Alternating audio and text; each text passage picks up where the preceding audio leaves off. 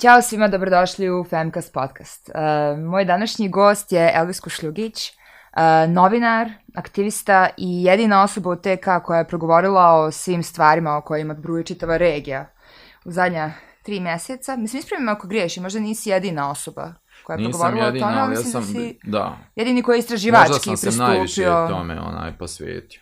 Da, radi se o ok, evo idemo sa pretpostavkom da možda niste upućeni, ako je to i kako moguće, a to je da je sredinom januara glumica Milena Radulović optužila svog profesora glume za seksualno zlostavljanje dok je bila maloljetna i to je otvorilo jednu pandorinu kutiju, kao što bi rekao Elvis konzervu Crva, gdje su se žene osjećale osnaženo, ali ne samo žene, naravno i muškarce, to više ne trubimo, da pričaju o svojim iskusima seksualnog zlostavljanja i uh, zahvaljujući toj inicijativi otvorena je Facebook stranica Nisam tražila, koja je pokrenula nekoliko djevojaka iz Sarajeva i sad tu su krenule razne žrtve anonimno da postavljaju svoja iskustva. Između ostalog ponovilo se nekoliko puta prijava za seksualno zlostavljanje i uznemiravanje na nivou Tuzle i Tuzlanskog kantona, gdje su primarne institucije u kojima se to zlostavljanje odvijalo bila Akademija dramskih umjetnosti, Filozofski fakultet, dakle pri Univerzitetu u Tuzli i Narodno pozorište u Tuzli.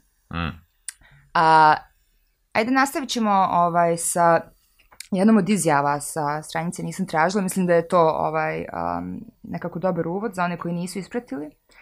Ide ovako. Pozdrav. Ne znam kako ovo funkcioniše i da li je ovo pravi način da vam se obratim, uglavnom, evo priče.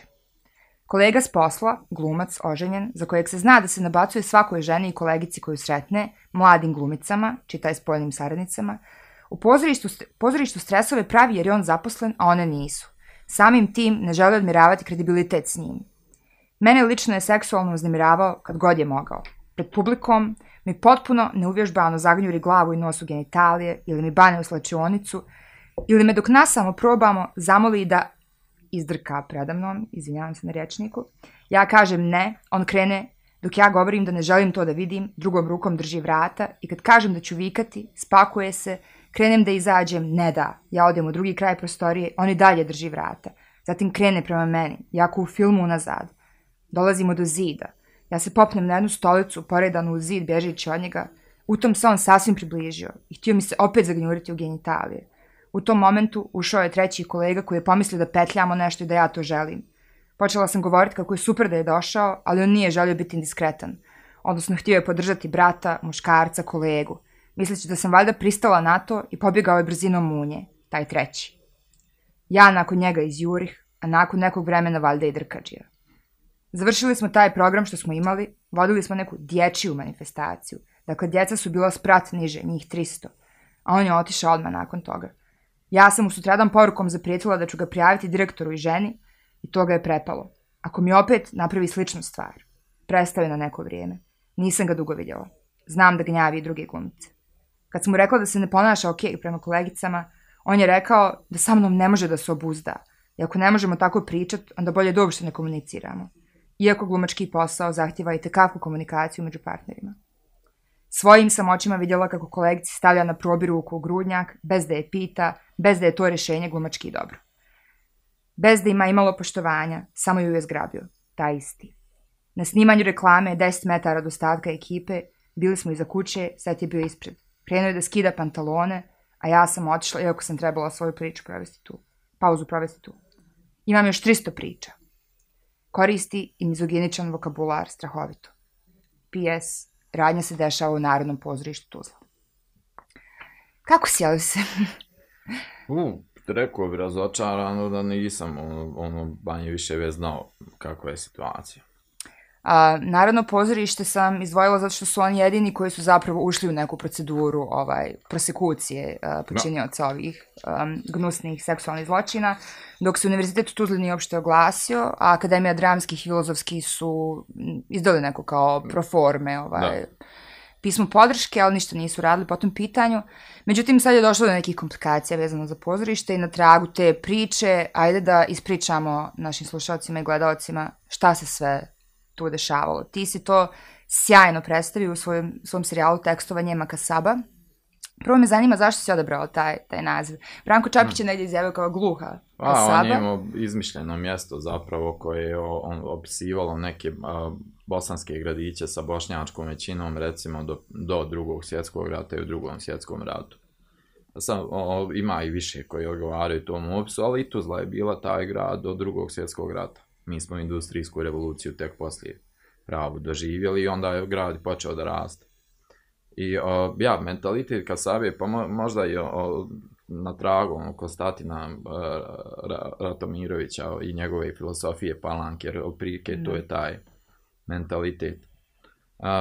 I tamo sam spomenuo da, da je razlika između društva i opštine zajednice e, ta što zajednice su monolitne, jel, manje pružaju veću sigurnost, sve što traže od svojih pripadnika je da prihvate postojeća pravila bez da ih dovode u pitanje. A društvo, zdravo društvo, od svakog pripadnika, zapravo njegova je dužnost odgovornog člana društva da propituje postojeća pravila, da ih stavlja pod stres test i tako društva napreduju. Da. A. pogotovo nasilje koje nije privatna stvar, što se negdje u okviru našeg tradicionalnog ovaj, sistema mm, malo kao...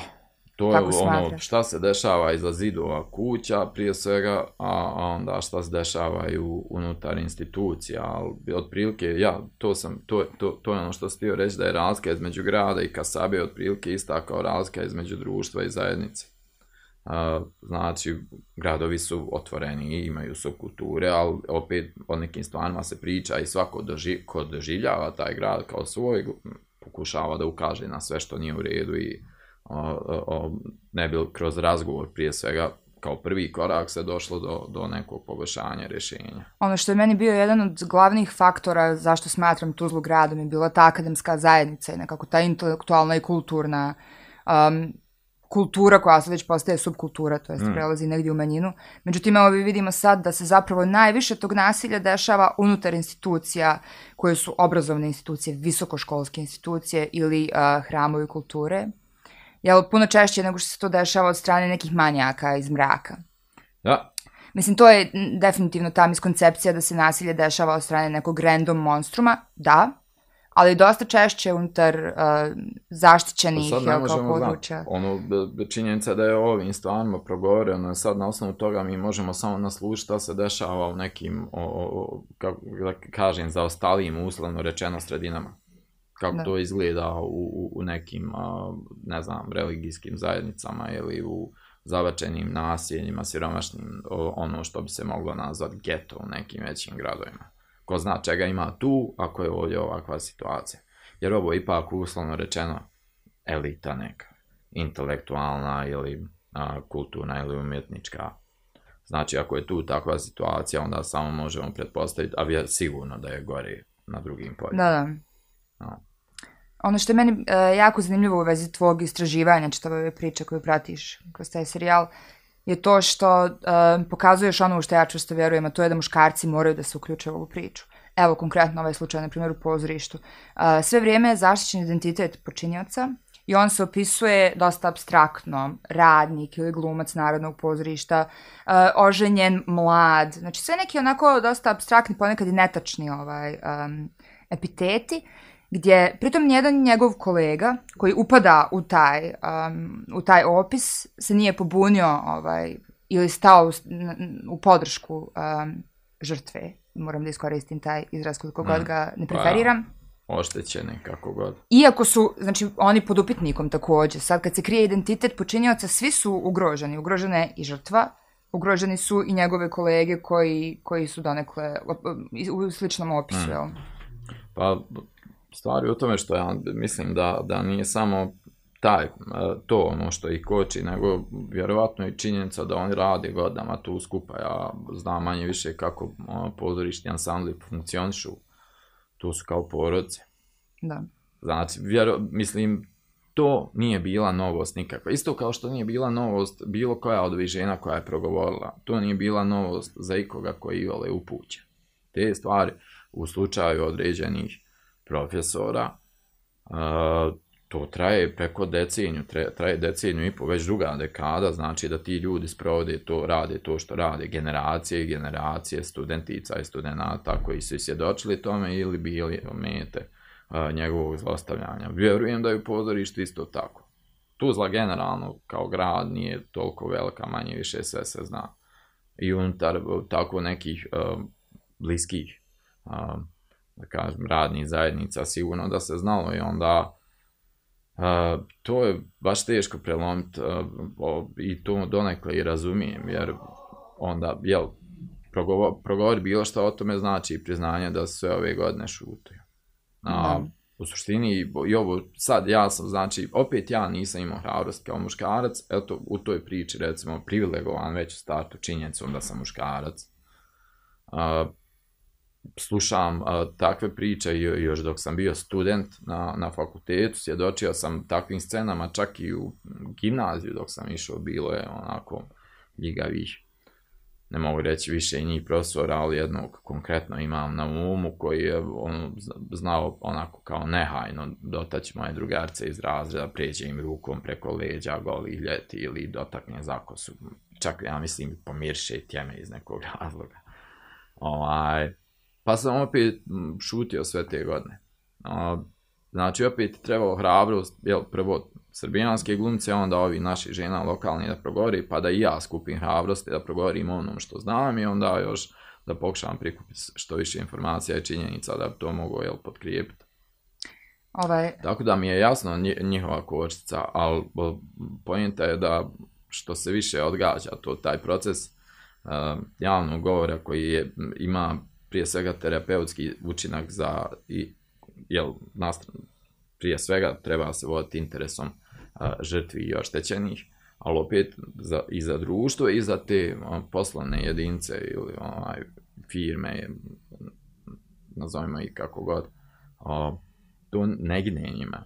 Kad tada se desi i sa odgađanjem toga, ono samo će biti gore i, i ono izlijeće sve gori jer mislim da smo prošli tu tačku. Više se ne možemo pretvarati da ne znamo.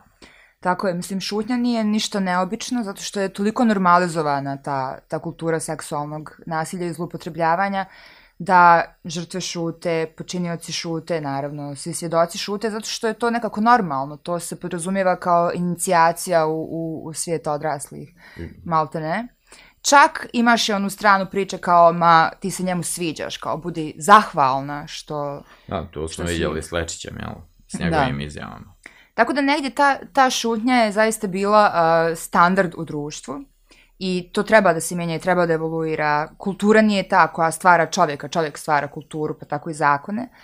Međutim, evo sad, došli smo do te tačke da se napokon progovorilo i da su masovne e, pritužbe e, stigle na razne adrese, ali da čak imamo lociranih nekoliko glavnih počinioca, institucije u kojima oni rade, zakonodavna tijela vlasti i tako dalje, nisu ništa uradili po tom pitanju. Što misliš zašto nastavlja da se šuti?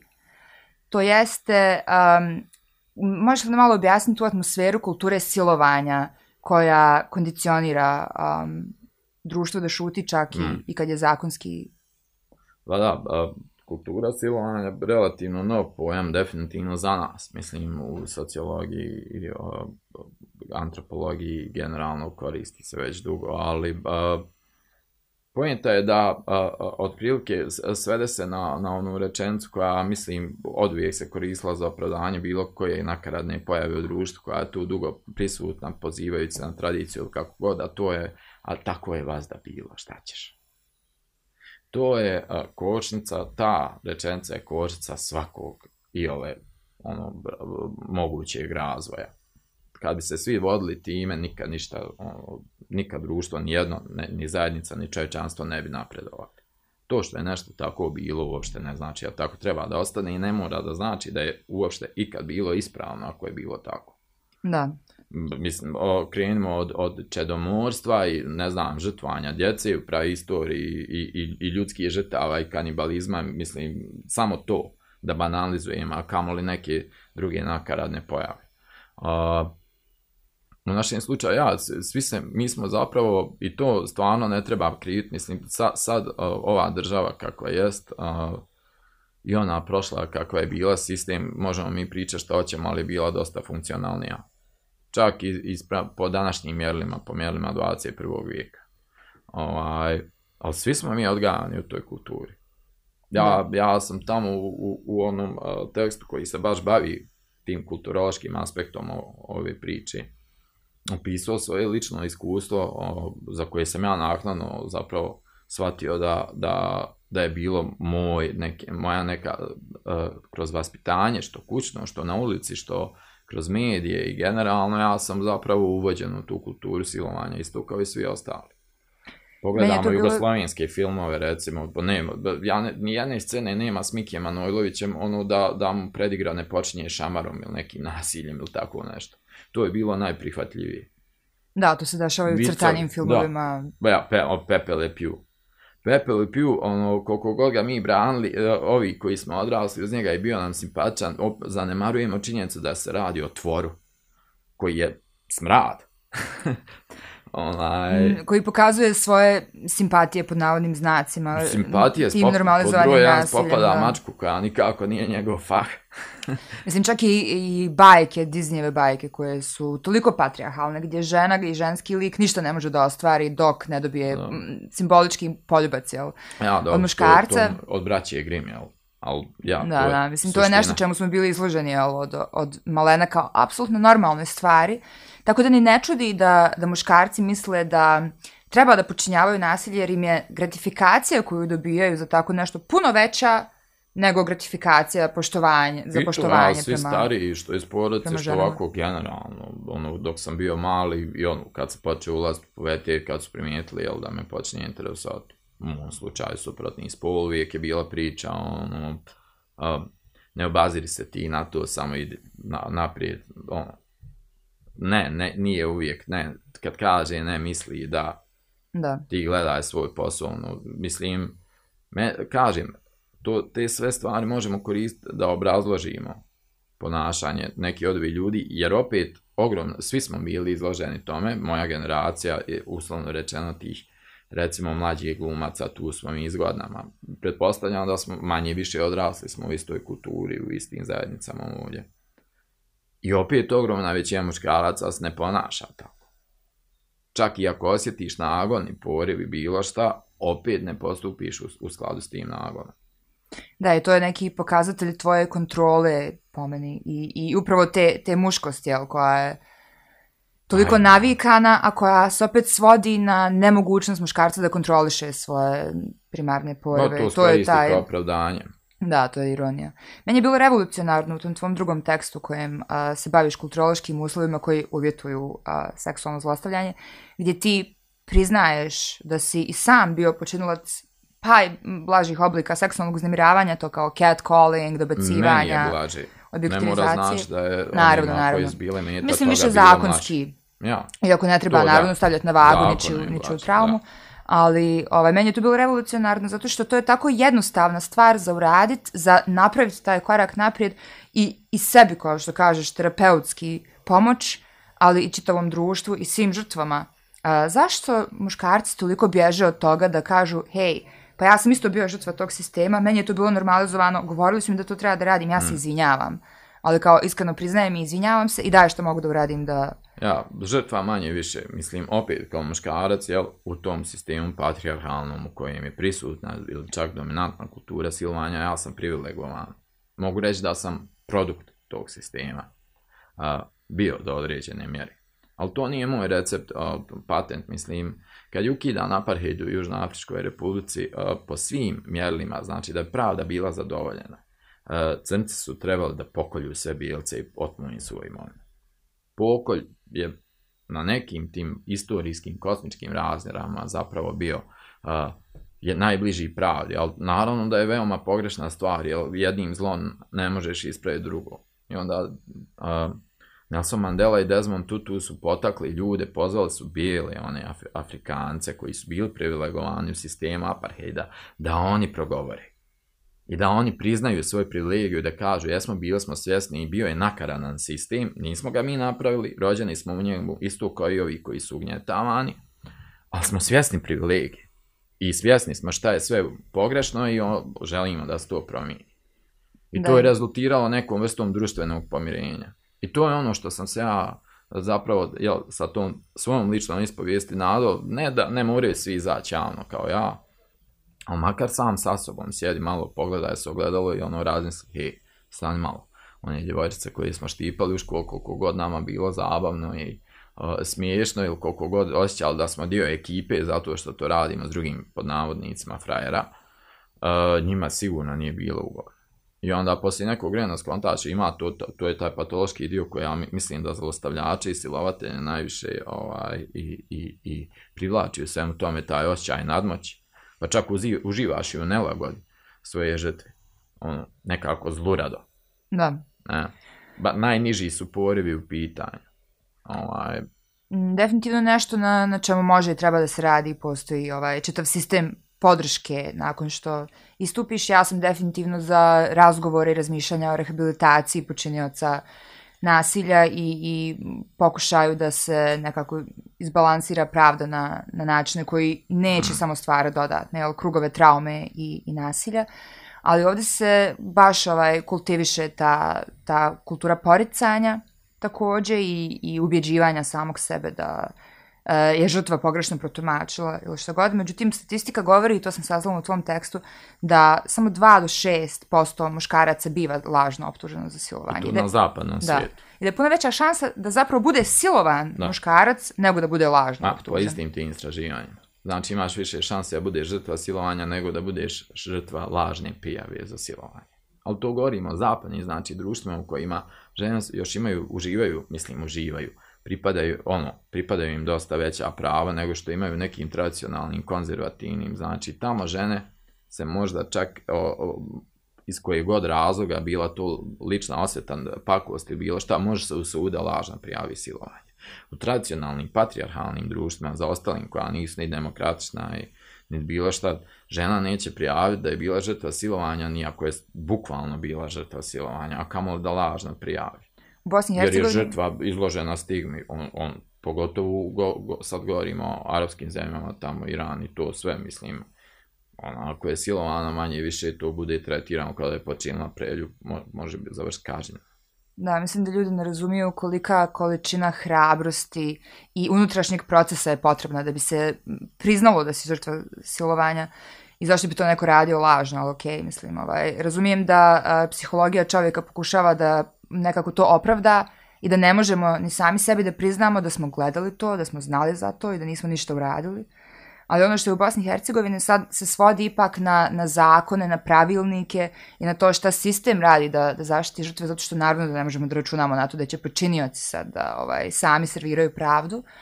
I onda malo kad prođeš kroz zakone i pravilnike, ono što si u svom trećem tekstu, akademska čast na način, baš ovaj, um, izdvojio je to da u pravilnicima univerziteta, u tim pravilnicima, znači kodeks da. o uh, etike, pravilnicima o radu se uopšte ne spominje seksualno i seksističko e, nasilje. E, ne samo to da se ne spominje, nego uopšte nisu uređeni ta vrsta odnosa između uposlenih i studenta, to je profesora i studenta. Dosta fakulteta ima na bilo koji način uređeno, pogotovo na zapadu, ili je striktno zabranjeno, ovaj, bilo kakvo, jel, ono, bilo kakva veza, intimni odnos između onaj, nastavnika i studenta ili je tretiran na način on, da, da ako se na vrijeme prijavi, ako on pređe, da ne bude više direktno nastavnik tom studentu, kako god, uređeno je spomenuto, kod nas toga nema uopšte. Znači, siva je zona koja podliježe, ono, u slučaju jel, ovog silovanja, zlostavljanja, znači samo ono, kazneni zakon, uh, krišni zakon ima to tretira, a opet način na koji taj zakon tretira je totalno prevaziđen vremenski. Uopšte nam nisu tu usklađeni ni zakoni, ni kazne, ni definicije spram uh, uh, evropskih zakona, iako imamo agenciju koja se bavi usklađivanjem zakonodavstva sa zakonima Evropske unije, to je, to je kao dio procesa našeg približavanja EU. Da, mi smo prije deset godina potpisali Istanbulsku konvenciju, jedna smo od prvih zemalja koja je potpisala mm. 2014. ja mislim da smo ratificirali, da. Ok, mislim da je 13. potpisano. Moguće. Da. U svakom slučaju, prošlo je dovoljno vremena da se ispuni ono što je po članu 4 jedna od osnova, a to je da se nacionalni zakoni prilagode pravilniku, to jeste konvenciji. Mm. Međutim, to se kod nas ne dešava, tako da se sad dešava taj slučaj da dobro, hajde možemo da, da malo preskočimo par koraka, da dođemo do Narodnog pozorišta i toga što se sad dešava tamo. Mm. Dakle, negdje geneza priče ta da je žrtva anonimno napisala svoje svjedočanstvo koje sam ja malo prije pročitala na javnoj stranici, nisam tražila. Mm. Ubrzo su krenuli pritisci, ta stranica je ovaj, nailazila na par prepreka i, i pravnog nasilja, pokušaja utišavanja. Međutim, pozorište je odreagovalo na tu anonimnu pritužbu Mm. Oni su organizovali neke disciplinske komisije, prikupili izjave i tako dalje. I onda je uh, počinilac kažnjen opomenom pred, pred otkaz. Mm. I dalje je ostao na radnom mjestu, njegov identitet je zaštićen, žrtva mu je i dalje izložena. I e, prije par dana je oslobođenje ovaj, izbacilo jedan zanimljiv članak. kako to Narodno pozorište na neki način nagrađuje počinioce za, za seksualno zlostavljanje, gdje su se oni odbranili e, članom 100 zakona o radu Federacije Bosne i Hercegovine, koji kaže da je to djelo zastarjelo, to jeste da oni imaju pravo kazniti počinioca samo za djela koja su nastala u zadnjih godinu dana. Da. Što nije u skladu sa Istanbulskom konvencijom. Ne, ne postoji zastara, a i sve da postoji, mislim, zakon na stranu. Ja stvarno bio sam zadovoljan, ne mogu reći oduševljen obzirom da je ipak se tu čutalo o tome šutlo i trpilo godinama, ali opet, eto, pozorište narodno je nešto uradilo, za razliku od ovih ostalih. Univerzitet je totalno zakazao. Mislim, univerzitet svakako, naše visoko obrazovanje konstantno trpi padove na, na, na na, na svim poljima i, i, i, nema nas na onim rang listama koje su i ole bitne, a i na ovima na kojima nas ima opet pada Univerzitet u Tuzli ovaj, i, i hajde rekao, super, evo pozorište je nešto pokrenulo, plus podnesena je i krivična prijava protiv NN lica, umeđu vremenu je NN lice postalo lice sa imenom i prezmenom, ali opet unutar pozorišta. A, ali nakon ovakvog ishoda ja sam onda jednostavno se nameće zaključak da se tu radi samo o kozmetičkom potezu, o načinu da se nekako pokuša i sačuvati ugled institucije kakva postoji već preko 70 godina, pa i ugled trenutno uposlenih i rukovodstva, a i da počinilac ne, ne dobije nikakvu konkretnu kaznu. Mislim, ja nisam siguran kako je to kod uređeno, ali da li polači ikakve financijske ovaj, makar da vam se odbije dio plate ili bilo šta sa tim pismenim, pismenom opomenom pred eh, otkaz, ne vjerujem. Eh, i, onako kako je naveo mire Aljić, uh, novinar oslobođenja, da, da nije ovaj nije ostao bez jednog angažmana, nije ostao bez jedne predstave i dalje radi kako radi. On je to ispravno nazvao nagradom. I onda se pozorište oglasilo sa saopštenjem kojim se ta ocjena naziva tendencioznom, nije uopšte. Ja stvarno ne znam u kojem, u kojem okruženju, u kojoj firmi, u kojoj porodici, u kojem društvu. Bih, ja govorim društvu kao lokalno, kao nas ekipa prijatelja. Bih ja mogao izaći pred svima nama i reći, eto, ja sam radio sam, uhvatio sam našu prijateljicu, zarobio je i on napravio to što je napravio, da ne ulazimo opet u detalje. Znači, lik je priznao i da mi se kaže, ajde u redu, ko priznaje, pola mu se prašta, evo ti opomena, nećeš više nikad. Plus, kažu da to nije bilo ni prvi ni zadnji put. I ove incidente koje je ona opisala, znači to sa skidanjem pantalona, nešto je to, to je bilo poslije ovog incidenta. Pa sve i da jest nastupila zastara zato šta je s ovim ostalima. Pa generalno, komentari na poslovima na nisam tražila, ali komentari ljudi kad se krene o tome pričati u čaršije, pa to se zna. mi svi tačno znamo ko su ti A, ljudi. Eto, su svi osim mene znao. Ja sam počeo bio pisati tekst ne znajući o kome se radi, na kraju kreva nije ni bitno. Jer meni je fokus na Možda nikad nije startalo, nisi žena. ne bih rekao, pazi, mislim, nije... Nije ni znam te ljude u prolazu, razumiješ, nisam nikad niti izlazi na ista mjesta, ne znam kako se ponašaju, ni, bilo šta, ne znam kakva je situacija toliko u pozorištu, iako imam poznanika, prijatelja koji rade tu. Ali ovaj, ono što je mene zapravo e, najviše nervira u, u, u svemu tome to što, što, što je e, bio direktor spreman, znači e, i dalje izložiti staviti pod rizik sve ostale uposlene koji odgovaraju tom opisu koji je prilično uopšten, a ima ih više, da bi zaštio identitetu jednog lika, a opet u isto vrijeme ovaj nije dobio nikakve druge kazne. Pa ne može i jare i pare. Ti si dao jedan jako interesantan prijedlog u svom tekstu, a to je da su oni mogli da, ga, da traže od njega ostavku s njegove strane u zamjenu za zaštitu identiteta, što je on sad dobio ovaj, pa, tako svakako. bi izvinjenje imalo smisla da. Da, ja sam opet uvijek za, mislim slažem se s tim, mislim da je jako dobra ideja, ali opet sam uvijek za neko i psihološko, terapeutsko liječenje, jer upravo treba te jel, kondicionirana uvjerenja nekako ljudima osvijestiti. Um, jer meni se čini da od počinjaca dođe izvinjenje koje su tako ono proforme kao izvini što je tebe uvrijedilo nešto što sam ja uradio ispravno za svoje standarde. To je izvinjenje. Da. Izvini što se uvrijedila. Ne izvini, ne oprosti mene zato što sam nešto uradio, nego izvini ti što se uvrijedila. Pa to može onda automatski prebacuje jel, odgovornosti na povrijeđenu stranu možda i nisam ja baš pretjerovan, nego si ti kriva što se urijela, hiperosjetljiva se na nešto, pravo ružna.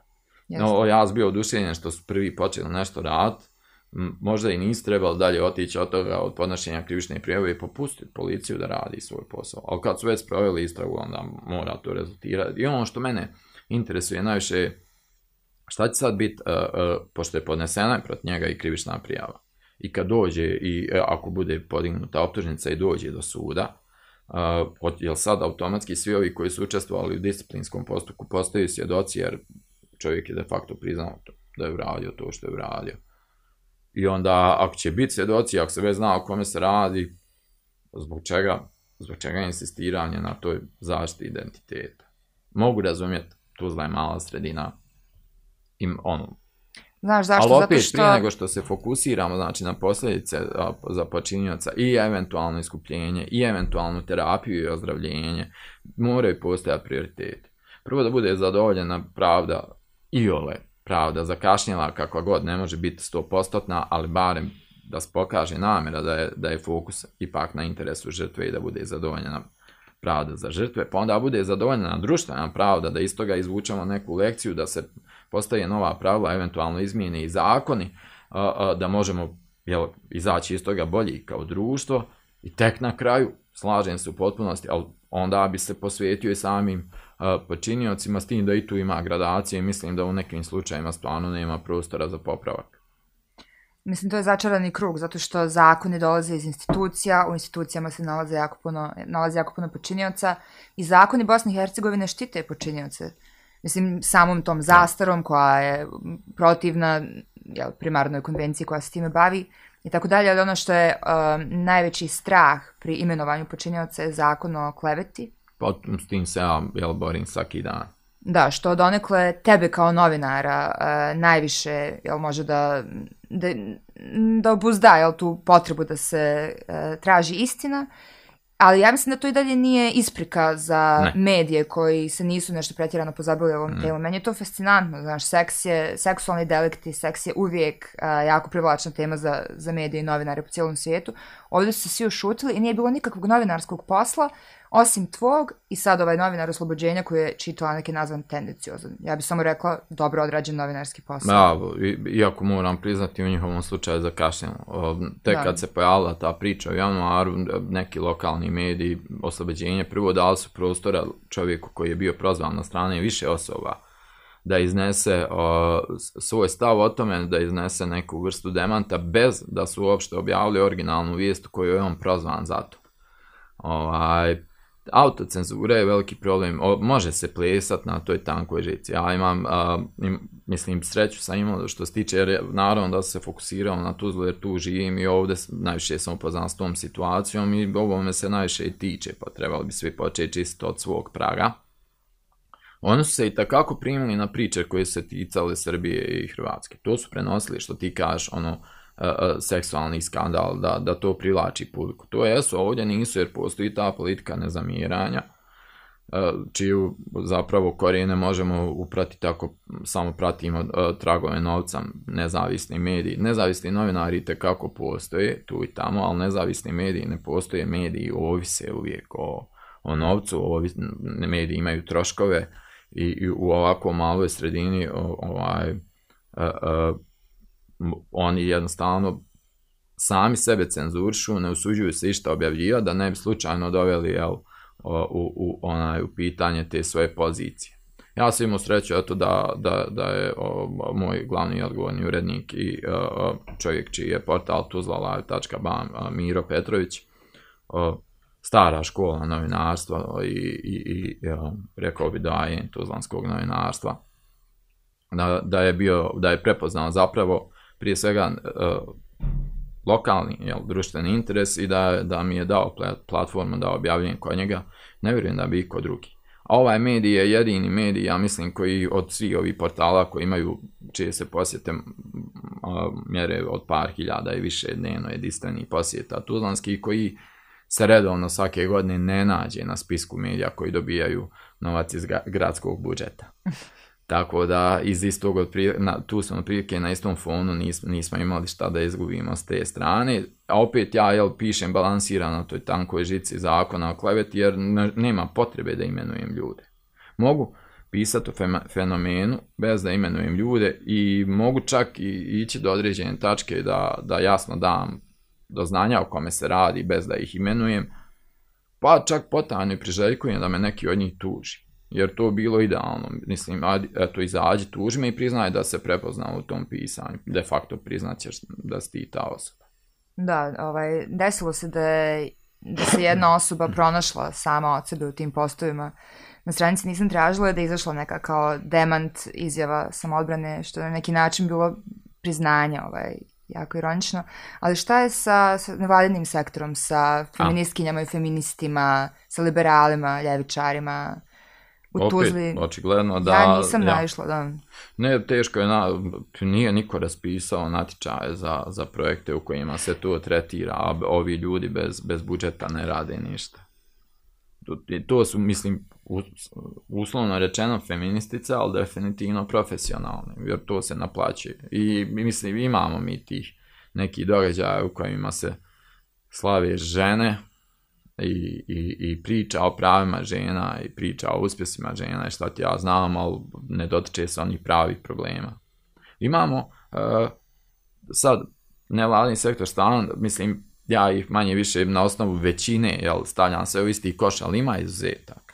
Imaju nevladne organizacije koje ispunjavaju, popunjavaju one praznine E, u kojima je država pobacila, pa imamo nevladne organizacije koje vode sigurne kuće za zlostavljane žene i one dobro rade svoj posao, ali e, stiče se utisak nakon svih ovih godina i postojanja tako nekih nevladnih organizacija da su one više fokusirane na eksploataciju problema nego na njegovo e, rješenje. A opet, unatoč tome što definitivno jeste slučaj u određenim organizacijama, opet meni se čini da najprogresivnije ideje zagovaranja i e, nove legislature dolaze upravo iz nevladinog sektora. Da opet ono sve dobro što se dešava dođe iz tih. To je poslije rata, mislim, strancu. Kod nas su stranci napravili po nas, o navodnicima civilni sektor. Jer, eto, to je trebalo da postoji, to postoji u demokratičnim društvima i onda oni su odmah poslije rata kad su krenuli sa upumpavanjem humanitarne pomoći, Poseban dio je bio odvojen zato i to su ogromni novci otišli u to. Ali kad pogledaš malo prve nevladne organizacije kod nas su registrovali na sebe e, pravnici i ekonomisti najviše. Jer su prepoznali o čemu se tu radi. To je biznis. To je biznis u kojem ti zarađuješ e, baveći se nekim društvenim problemom, da ne kažem, e, profitirajući na tuđoj muci i dođeš na kraju dana, dobro zaradiš, dođeš na kraju dana i legneš i opet imaš utisak da si uradio nešto dobro, osjećaš se bolje od ostali, ali u suštini biznis. I e, istinska promjena ne može doći s te strane. Ja, pokazan je dosta, dosta puta naprotiv, čak i kad krene odozdo neki grassroot promjena, ako se dočepaju nevladne organizacije, toga desi se ono što su drugi nazvali NVO-izacija i onda se to raspe, ode na projekte, ode na seminare i na e, pisanje, jel, pravljenje i objavljivanje studija, istraživanja i njihove publikacije i razvodni se čitava priča i to nestane. Da, u biti nema akcije na terenu više, više teoretski. Ne urodi ničim konkretnim. Ali ajde da se vratimo na temu, ja e, ne vjerujem ni zakonodavnim institucijama, mislim toliko su korumpirane naše vlasti, to je već postao modus operandi koji, kojeg se ne stide da negdje ne očekujem iskreno pravdu za žrtve seksualnog nasilja na nivou Tuzla, ovo sve što smo spomenuli. Ne očekujem na sudu neke, neke znatne kazne, a čak i kad bi bili najstrože kažnjeni počinjivaci, to su jako male kazne. Mislim, to je godina do tri godine. U najgorem slučaju, recimo, otac koji je silovo svoje tri maloljetne čerke dobio 15 godina. Da. Uz mogućnost pomilovanja, tako da ovaj, ne vjerujem treba da se uskladi sa zakonima Europske unije.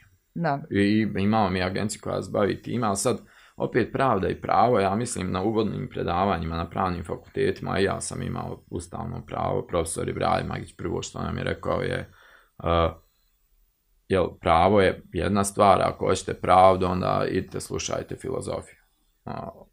ovaj, nikad, naravno, ne možemo, pravda je bila da možemo vratiti vrijeme unazad, pobrisati sve to i, ili, eventualno naći načina da se, ali nemoguće, nikad ne možemo potpuno pravdu postići. Pojenta je da to da, stvarno kazne sad ovakve kakve jesu. Čitav e, dokazni postupak, e, insistiranje na materijalnim dokazima i, znači da zanemarimo samo korupciju, ovakav sistem e, i ovakvi zakoni kod nas kakvi su na papiru sad su nakaradni da bi se mogli adekvatno boriti s tim problemom, da on bude ispunjen, riješen po standardima recimo modernog nekog društva u 21. vijeku. I nekako tu treba se... baš overhaul, ono, jačanje. Ide se sa tom uh, nevinosti optuženog i da, da je žrtva ta koja treba da dokaže zločin. A zašto ne bi počinilac trebalo da dokaže da nije počinio zločin? Tako pravni sistem funkcioniše. I to je u redu i to unutar pravnih institucija meni je razumljivo u redu. Oni trebaju da nastupaju bez predrasuda i da saslušaju jel, sači iskaze, da vide sve materijalne dokaze i da na osnovu toga donesu odluku, ali to uopšte ne ograničava nas kao društvo. Meni kao novinare, ja se ne vodim tim principima, meni e, ima presumpcija nevinosti, naravno neću ja doći iz nebuha nekom reći i e, ti si radio to i to. Ali ove priče konkretno, recimo za konkretne profesore sa filozofskog, ja sam što svjedočio njihovim pona, njihovom ponašanju svojim očima, što slušam te priče već neki 15 i više godina, od e, kolegica, poznanica, prijateljica, što s faksa, što sa poslova, koje uopšte ne znaju jedna za drugu. A pričaju mi za, te, e, za određene likove ovog jednog konkretno identične priče. Znači njegov njegovo obraćanje, fraze koje koristi i to sve da, skoro pa nemoguće da svi baš lažu izmišljaju kao novinar ja se vodim principom tom, najmanje tri neovisna izvora misli se neovisna jedna o drugom. Ove uopšte ne znaju jedna za drugu i dođu i ispričaju ti istu priču u, rasponu od pod 5, 10, 15 godina za istog lika. U mojoj glavi nema sumnje da je to istina. I ono to je objektivna istina, ovo je pravna istina, oni nek se bave time, ja, ja operšem s ovim, inače ne bih pisao ovo da ne vjerujem u to i da ne znam već, zapravo pouzdano znam da jest tako. Ali opet nekako ostaješ neutralno u svojim tekstovima kojima svi, svima preporučujem da pročitaju. I zaista e, radiš istraživanje i filozofsko, ali i na terenu. Pokušavam biti objektivan, ali uopšte nisam neutralan. Da se razumijem, ja sam na strane žrtava. Ovo sve što radim, radim zato što godinama čekam šansu da, da, da ispunim to, jer sam se za, ono, zarekao davno, slušajući sve to, i to je frustracija i otrov koji išu u sebi. I mislim, za novinare, to nije džaba naše zanimanje toliko stresno. Dosta puta ima gomila stvari koje ja znam, ali ne mogu ih uh, javno reći, zato što i ne mogu dokazati. Ono, svede se opet na to. Tako da, ja, e, e, sam ja, nisam neutralan, objektivan, pokušavam da budem, da prezentujem podatke, ali isto tako ja jasno se odredim iznesem svoje mišljenje, bacim epitet šta mislim o nekom.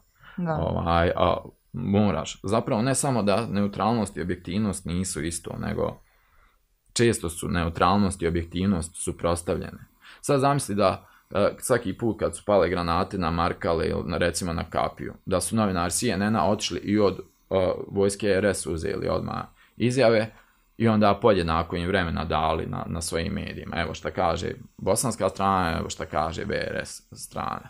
I to bi bilo neutralno, ali nije uopšte objektivno. Daš zločincima šansu da mogu jel, dovesti u pitanje svoj zločin i da mogu optužiti žrtvu da je sama sebi to uradila. U ovom slučaju, mislim, ja definitivno želim da čujem sve strane priče i, e, i žrtve i počinioca, zato što mislim da, da jedino tako možemo zapravo da, ako poslušamo i jednu i drugu stranu, možemo da nešto naučimo iz toga i da implementiramo neke nove presedane uz naravno osudu. Ali ono što mene zabrinjava je to što se tu stvaraju i neki treći, ako ne i četvrti entiteti, a to je da institucije u kojima se dešavaju ti zločini se donekle ograđuju i prave treći entitet od svega toga. Znači, nemamo više kao počinilac žrtva i institucija koja staje na stranu pravde ili na stranu žrtve ili kako god, već institucija koja staje na sobstvenu stranu, javna institucija od javnog društvenog dobra ili još gore obrazovna institucija. Da, visokoškolska. Koja nekako u svemu tome samo gleda da se zaštiti kao, kao entitet. I to kao zatvorena jedna cijelina, znači ponašaju se, to ne bi biti tolersano ni u privatnim firmama, ni u privatnim kućama. Neki od tih obrazaca ponašanja, ja, zakon i ni na ulici, ni na ulici. na ulici. A kamo li o, javna institucija, vaš rad treba da bude transparentan. I onda i sad i u ovom procesu i u kontaktu sam sa nekim višim studentima, imali su oni na filozofskom asocijaciju studenta filozofskog fakulteta i neki od, od aktivista koji su bili uključeni tu su mi kazali da su oni već podnosili prijave za razne oblike nepriličnog ponašanja, uključujući, uključujući seksističko a, od uznemiravanja jel, do zlostavljanja, ali da je to ostalo se ne Znači, ne samo da one pasivno dozvoljavaju, nego aktivno rade na tome da se suzbije svaka priča o tome. Ja sam čuo isto za Akademiju dramskih umjetnosti, da. I za filozofski fakultet. Da, da. Prema tome, ono, e, ja ne znam šta oni misle šta je ugled institucije, ali takve stvari to prije ili kasnije izbijena vidjelo. Mislim, nije mi jasno kako ljudi uh, uh, svjesni, možda udari sila u glavu, možda i misli zato što je jel, korupcija toliko ošte prisutna da će da, ona jel, će se vječno održati tako. Neće. Da, slično kao patrijarhat koji se nevjerovatno dobro prilagođava svim društvenim oblicima i, i pravnim i ličnim, socijalnim, ono, mm kameleon, ali ovaj... Ali tome će doći kraj, sigurno, zato što um, vidimo te silne inicijative i u, u brojkama je snaga. Međutim, ako ne možemo da se uzdamo u, pravo, mm. da će da nam isporuči pravdu. Ako očito ne možemo da se uzdamo u, institucije koje imaju svoj interes da se zaštite i da nekako um, samo smanje um, posljedice potencijalne, uh, ako ne možemo da se uzdamo u nevladin sektor, koji bi trebao da se bavi nekom vrstom formalnog aktivizma, zagovaranja, eh, gdje ti vidiš potencijal za, za rješenje? Ja, ja vjerujem u čovjeka, ja vjerujem u, u društvo i vjerujem da. da u dizanje svijesti, u mijenjanje i u podršku, ali me zanima tvoje mišljenje. Pa, kao novinar i kao aktivista, što se toga tiče, ono sam ovaj, odustao od toga da, da stvarno ne razmišljamo o tome. Mislim, e, ako vidim da nešto treba uraditi i vidim da to niko ništa, niko drugi ne uradi, onda osjećam dužnost da uzmem ja to da uradim. Hoće li to pokrenuti ikog? Da li ću dobiti podršku od bilo koga, da li će iko stati uz mene ili za mene ili ispred kako god, stvarno više ne razmišljam o tome i mislim da je to otprilike neki, ona, neko stanje uma koje bi svako, svaki odgovoran pojedinac, svako ko se osjeća kao odgovoran, jel, svjestan i samosvjestan član društva, da je to stav koji treba da uradi. Vidiš nešto da je ispravno, vidiš nešto, čuješ nešto, uradi nešto, kaže nešto. I e, ovo ostalo stvarno, sve preko toga je bonus, barem ja opet govorim o meni, kao meni konkretno, jer o, toj pori koju ja osjećam, ne znam, možda da je malo jači, e, moglo bi se nazvat mesijanskim kompleksom, ali nije ni to jednostavno. E, radi se o osjećaju odgovornosti. Za dosta stvari mi puno više stvari nego što bi htio svako od nas sebi da prizna. Mi možemo preuzeti odgovornost, nigdje ne piše da ne možeš, ali mi, eto tako, dosta ljudi, mislim, to je na kraju krajeva konformizam, jer linija manjeg otpora, ljudi se boje, boje konflikta, mala je sredina, možete uticati na dosta toga na, jel, na zaposlenje, na, na sigurnost, ovdje kod nas pogotovo, jel, pošto živimo u državi koja je povećaj države. Uh, ali to su sve obrazloženja. Malo bolje kad se čovjek zakopa i zamisli i, pogleda, ništa od toga se ne može iskoristiti kao opravdanje. Ja znam, jedini nemogući stvarno izbor u životu je ili u ovo ili, ili smrt. To je nemogući izbor. I mene su od malena tako učili, moja majka, žena koja je muslimanka, i moj otac koji je čovjek, jel, e, socijalista isto kao i ja, ali na nekim ispravnim je temeljima, samo se umrijet mora. Ti si dugo se bavio e, zaštitom radničkih prava i kao novinar, ali i kao aktivista. Da. li ti negdje vidiš korelaciju između ugroženih radničkih prava i eksploatacije žena i ženskih prava? Ima veoma jasan klasan, e, klasni element u cijeloj ovoj priči to pogledaš, e, sad govorimo o filozofskom, ne o pozorištu, ali i tu je, to ima, imamo znači vanjsku saradnicu koja, koja ovisi o ugovorima o djelu koju se mogu produžiti ili ne i imamo stalno uposlenog. I tu je znači već klasni element, automatski on u poziciji moći na ono što je muško-žensko pitanje. A ovamo na fakultetu i na univerzitetu isto to, to profesori koji imaju uvide u dokumentaciju od studenta, studentica, proberu se žrtve E, na osnovu toga što je teža situacija, tu će gori tretman dobiti. Ako je došla sa strane, ako nema muških srodnika ili e, oca jel, koji joj može čuvati leđa, ako ovisi o stipendiji, puno je veća šansa i, i ima tu nesreću jel, da je upisala tu ustanovu i da je zapala za oko jednom od ovih zlostavljača, ima puno veću šansu da će se naći na, na njihovoj meti. Da li onda misliš donekle, mislim, pošto postoji definitivno taj fenomen da je jako puno žena stalo u odbranu počinioca na regionalnom nivou, pričam i o ovim većim slučajevima, ne, ne samo o tuzlanskim. A, I da li ti misliš da su to žene koje opet imaju neku privilegiju u smislu klase? Um, mislim, možemo li generalizovati to pa, uopšte tako? Evo, ajde, otvorimo i tu Ko će ga znati? nisi siguran da postoji neki unek, na, jel, jel, po kojima ih sve možemo svrstati u isti koš. Um, zbog čega je to tako, dosta, zašto dosta nije, ali imamo eto primjere toga i, i, i generalno i na, na, na drugim e, dosta žrtava zapravo e, jel, osjeća se nekako su e, sukobljena sa drugim žrtvama. Njima je krivo kao, ako sam ja to sve pretrpila, što ti ne bi mogla trpiti. Tako je to, a pa šta ćeš, idemo dalje. To je pravo nakaradno. U Americi, na primjer, sad, pošto hoće da ukinu dugove studentske, za studentske kredite, ima i dosta koji su otplatili svoje studentske kredite koji se bune zbog toga kao, a kako sam ja mogu otplatiti, a njima ćete sad to sve da otpišete. To je pravo nakrada način razmišljanja. To isto mhm. kada su se robovi počeli buniti, oni koji su čita život proveli u robstvu, pa su ovi krenuli oslobađati robove. A, zašto to radite? Ja sam mogu biti roba, nićete sad osloboditi. Ovaj, Stvarno ne znam zašto. Vjerujem da ima veze i sa njihovim ličnim iskustvima i traumama i jest na neki način, jest to njihov podvig kako su uspjeli pretrpiti sve to, izboriti se s time i nastavi dalje, ali to nije razlog da se sistem represije nastavi sa, sa, sa funkcionisanjem kako je funkcionisao do sad. Ne tiče se na kraju krajeva svako od nas koliko god mi bili veliki u svojim očima, mislim i bitni, jel svako je glavni glumac u svom filmu, ima ih koji izaberu da budu statisti, ali to je drugi problem ali ovaj, eh, ne može vam se voditi samo sa mnom, nisam ni ja bitan, ni, nismo bitni ni mi koji smo sad ovdje prisutni čak, ono, bitno je ono, jel, šta ćemo sa djecom koja se tek rađaju, koja treba da odrastu ovdje i, i, na šta će da izgleda, uh, jel moramo i stvarno izložiti istim problemima koje smo već imali. Sigurno sam da će novo vrijeme donijeti nove probleme i nove izazove, možda da se rasteretimo ovog tereta prošlosti.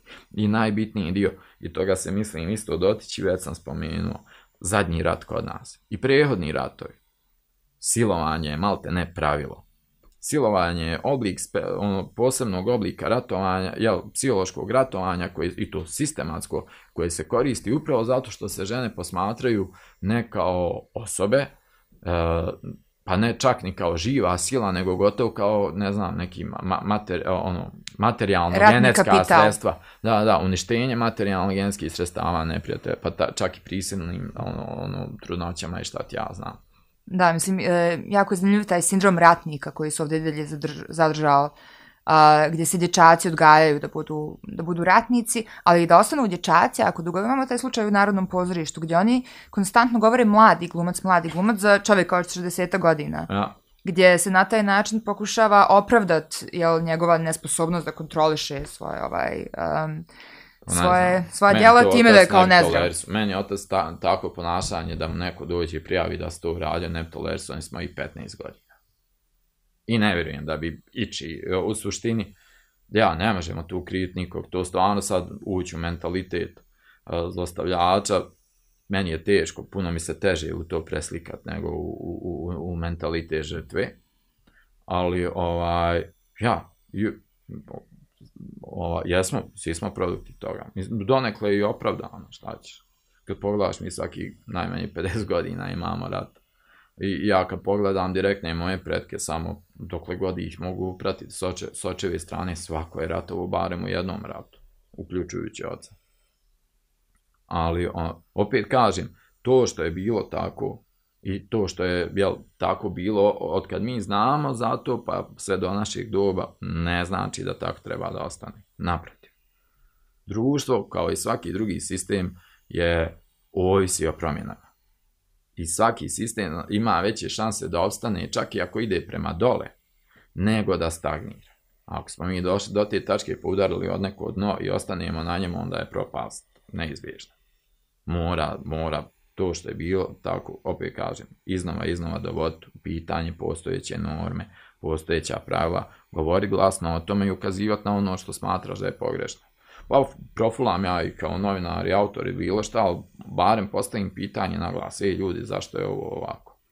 I onda vam neko objasni pa kažem, dobro, možda nije vrijeme, još da se mijenja. Ali za ove stvari definitivno jeste. Da.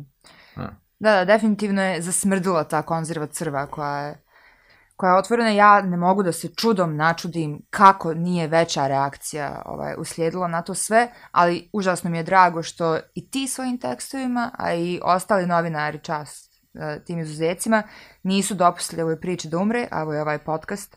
Ja mislim da ćemo imati još dosta epizoda na ovu temu, ovaj, slutim, slutim da će se tu izroditi neke, neki mikroaspekti koje ćemo morati malo bolje da protabirimo i da konstruišemo. Ne je moram to samo napomenuti koji je jedan razloga zato objektivno trenutno prolazimo. Znači mi smo navikli na stanje konkretne, ono, konstantne krize, ali sad je sa pandemijom i ekonomskom krizom koja time izazvana i politička komešanja je standardna, ono, razumljivo je što nije baš sve prisutna, što ne zauzima toliko prostora, što nije dominantna tema, ali nije, nema opravdanja što ne zauzima gotovo ništa prostora u medijima.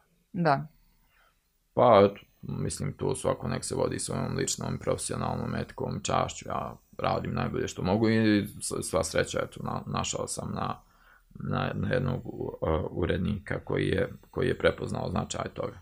Volio bi stvarno da nisi u pravo ali slutim da jesi. Biće ova tema još dugo prisutna i čak i ako propustimo neke konkretne o, poboljšanja i promjene, mislim da je sad gotovo s time. Ne, ne samo zbog e, žrtava koje su to bile u prošlosti, nego zbog trenutnih žrtava.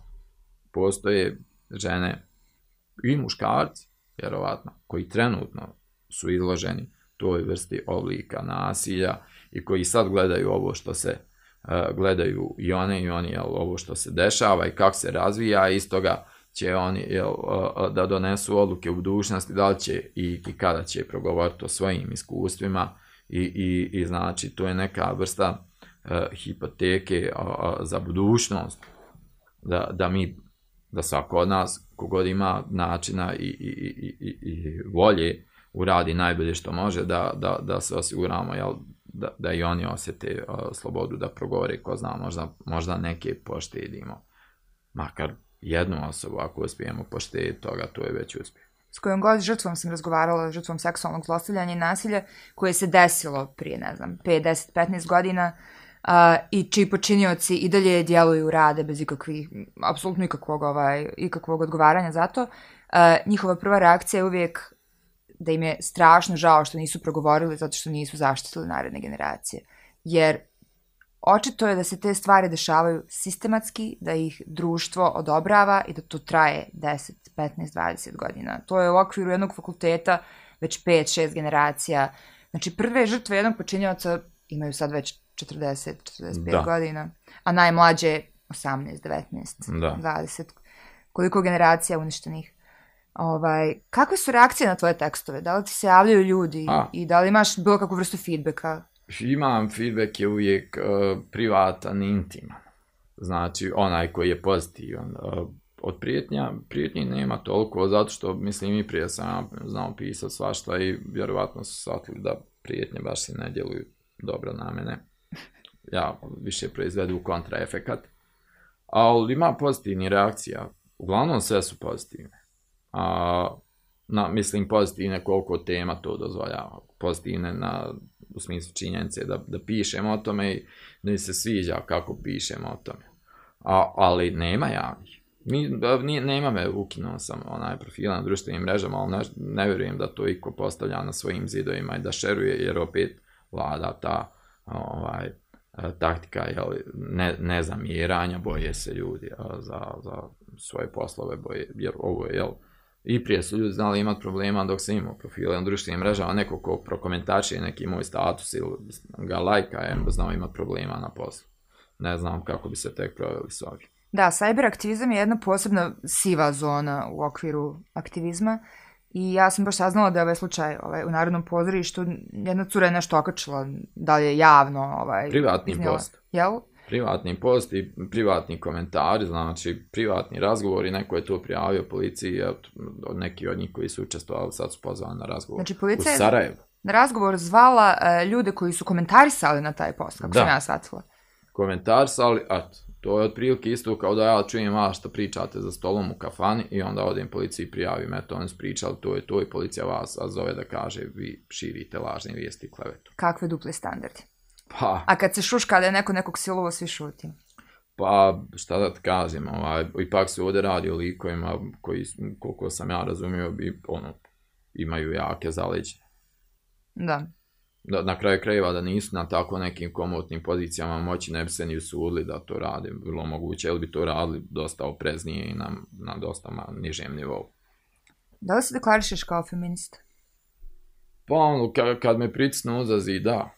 Mislim, ne bi se ograničavao samo na tome. Ja sam čovjek socijalista koji se zalaže jel, za socijalnu državu i društvo jednake mogućnosti u kojima će manje više razlike neće biti tako drastične, u kojima će država čiji će se uspjeh, uspjeh mjeriti time koliko brine o svojim najugroženijim skupinama.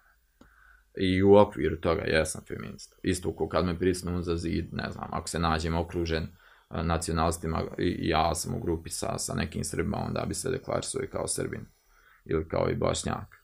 E, u tom smislu i kao feminista, jes. A kako vidiš feminizam iz muške, cis, hetero, bijele perspektive? Mislim, izvini što te svodim na to, pa ali... dobro, nemaš me šta svoti, a to jesam.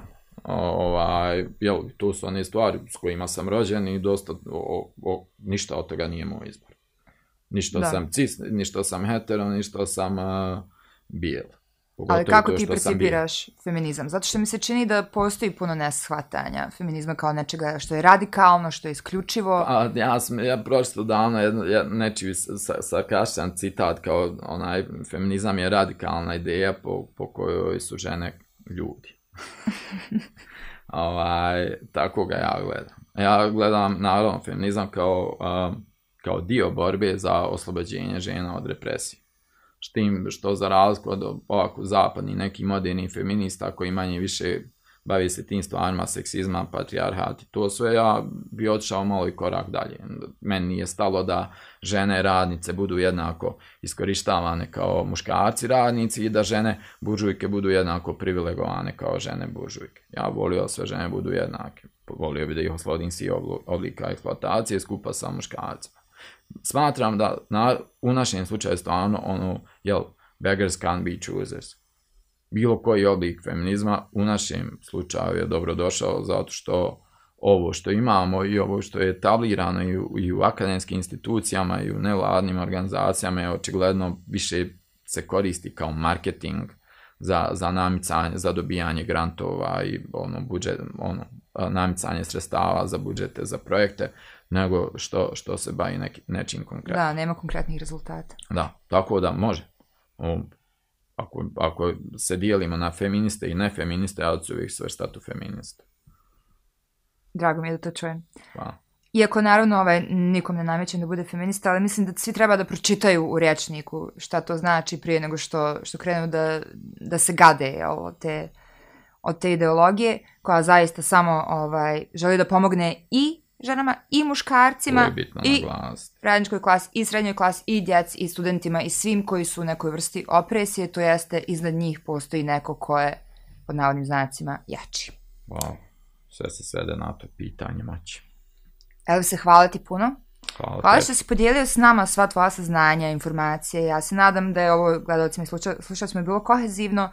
Oni koji imaju i dalje neke rupe, uh, preporučujem da zapratite page Nisam tražila, da iskopate, prečeprkate, pročitate sva, sva svjedočenja za koje imate želudaca, pogotovo sa fokusom na ove koji se dešavaju u Tuzli, a previše ih je statistički na tom page za jedan ovako mali grad. Preporučujem da pročitate njemu Kasabu, uh, koja za sad ima četiri dijela, ali Biće još pođu reći, nisam još iznio baš sve. da, da. Uh, tako da, ovaj, uh, upratite ova četiri dijela na uh, sajtu Tuzla Live, Eh, ukoliko vam se dopada ovaj podcast, ono like, share, subscribe, ima radnih načina da, da podržite i pomognete, ali ono što je za sad jedan od meni najbitnijih za koji bih vas zamolila je da podijelite članke Njemaka Saba na svojim profilima na društvenim mrežama kako ova priča ne bi utihnula i kako bi žrtve, opet ponavljam, mrzim taj izraz, ali evo, moram da ga potrebim kako bi žrtve dobile barem uh, pravdu za, za traume koje su prošle. Hvala vam na gledanju i slušanju. Eh, ovo je bio Elvis Kušljogić i do narednog puta. Prijatno.